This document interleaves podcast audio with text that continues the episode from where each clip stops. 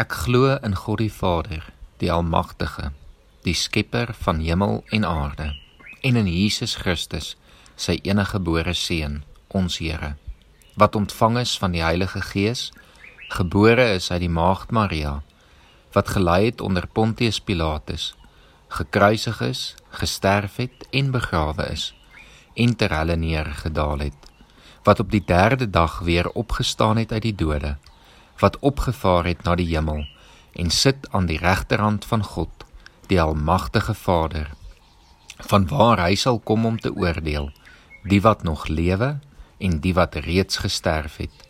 Ek glo in die Heilige Gees. Ek glo aan 'n heilige algemene Christelike kerk, die gemeenskap van die heiliges, die vergifnis van sondes, die opstanding van die vlees en in 'n ewige lewe. Goeiemôre en welkom by hierdie week se oggendoordenkings. Meeste van ons ken al die apostoliese geloofsbelijdenis uit ons kop. Dit is goed, maar ons moet versigtig wees dat hierdie kosbare belijdenis nie maar net nog 'n rympie word wat ons kan opsê nie. Ons moet onthou dat hierdie ons help om dit wat ons glo op te som en te verwoord. Daarom wil ek hierdie week met jou deur die belijdenis werk en ek hoop jy word weer herinner aan die kern van wat ons glo en mag jy dan daaruit en daarvolgens gaan leef. Vanoggend wil ek fokus op die eerste sin van ons belydenis. Ek glo in God die Vader, die almagtige, die skepper van die hemel en die aarde. In hierdie eerste sin bely ons wie God in die eerste plek volgens ook die begin van die Bybel is. Hy is 'n Vader, 'n Vader wat geskep het die hemel en die aarde.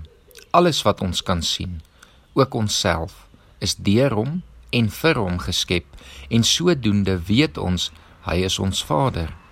Hierdie Skepper God, Vader God, is ook 'n almagtige God, 'n eienskap wat ons gereeld van in die Bybel en veral ook in die Psalms lees. Die een wat ons toevlug is. Dit is hierdie kenmerke van God wat ons in hierdie eerste sin bely wat ook die eerste belydenis van die Israeliete was. God, Jahwe, was deur die Israeliete aan die ander nasies bekend gemaak as die Skepper God, die Almagtige, hulle Vader. Hy is die Vader van alles en almal en daarom bely ons ook dat hy magtig is. Wanneer jy dus na die skepping rondom jou kyk, die natuurpragt inneem, die son, die maan en die sterre, Wanneer jy self in die spieël kyk of na ander mense kyk en weet dit alles is deur God geskep, dan glo ek jy sal saam soveel mense voor jou nie anders kan as om oor te gaan in aanbidding tot jou Skepper nie. Mag jy vandag God weer opnuut in verwondering aanbid vir wie hy is en vir alles wat hy geskep het. Ek lees vir ons vanoggend Psalm 8 voor as gebed. Here ons Here, hoe wonderbaar is U naam oor die hele aarde. Hoe glansryk alles wat U in die hemelruim geplaas het. Kinders en suigelinge besing die magtige werk wat U tot stand gebring het.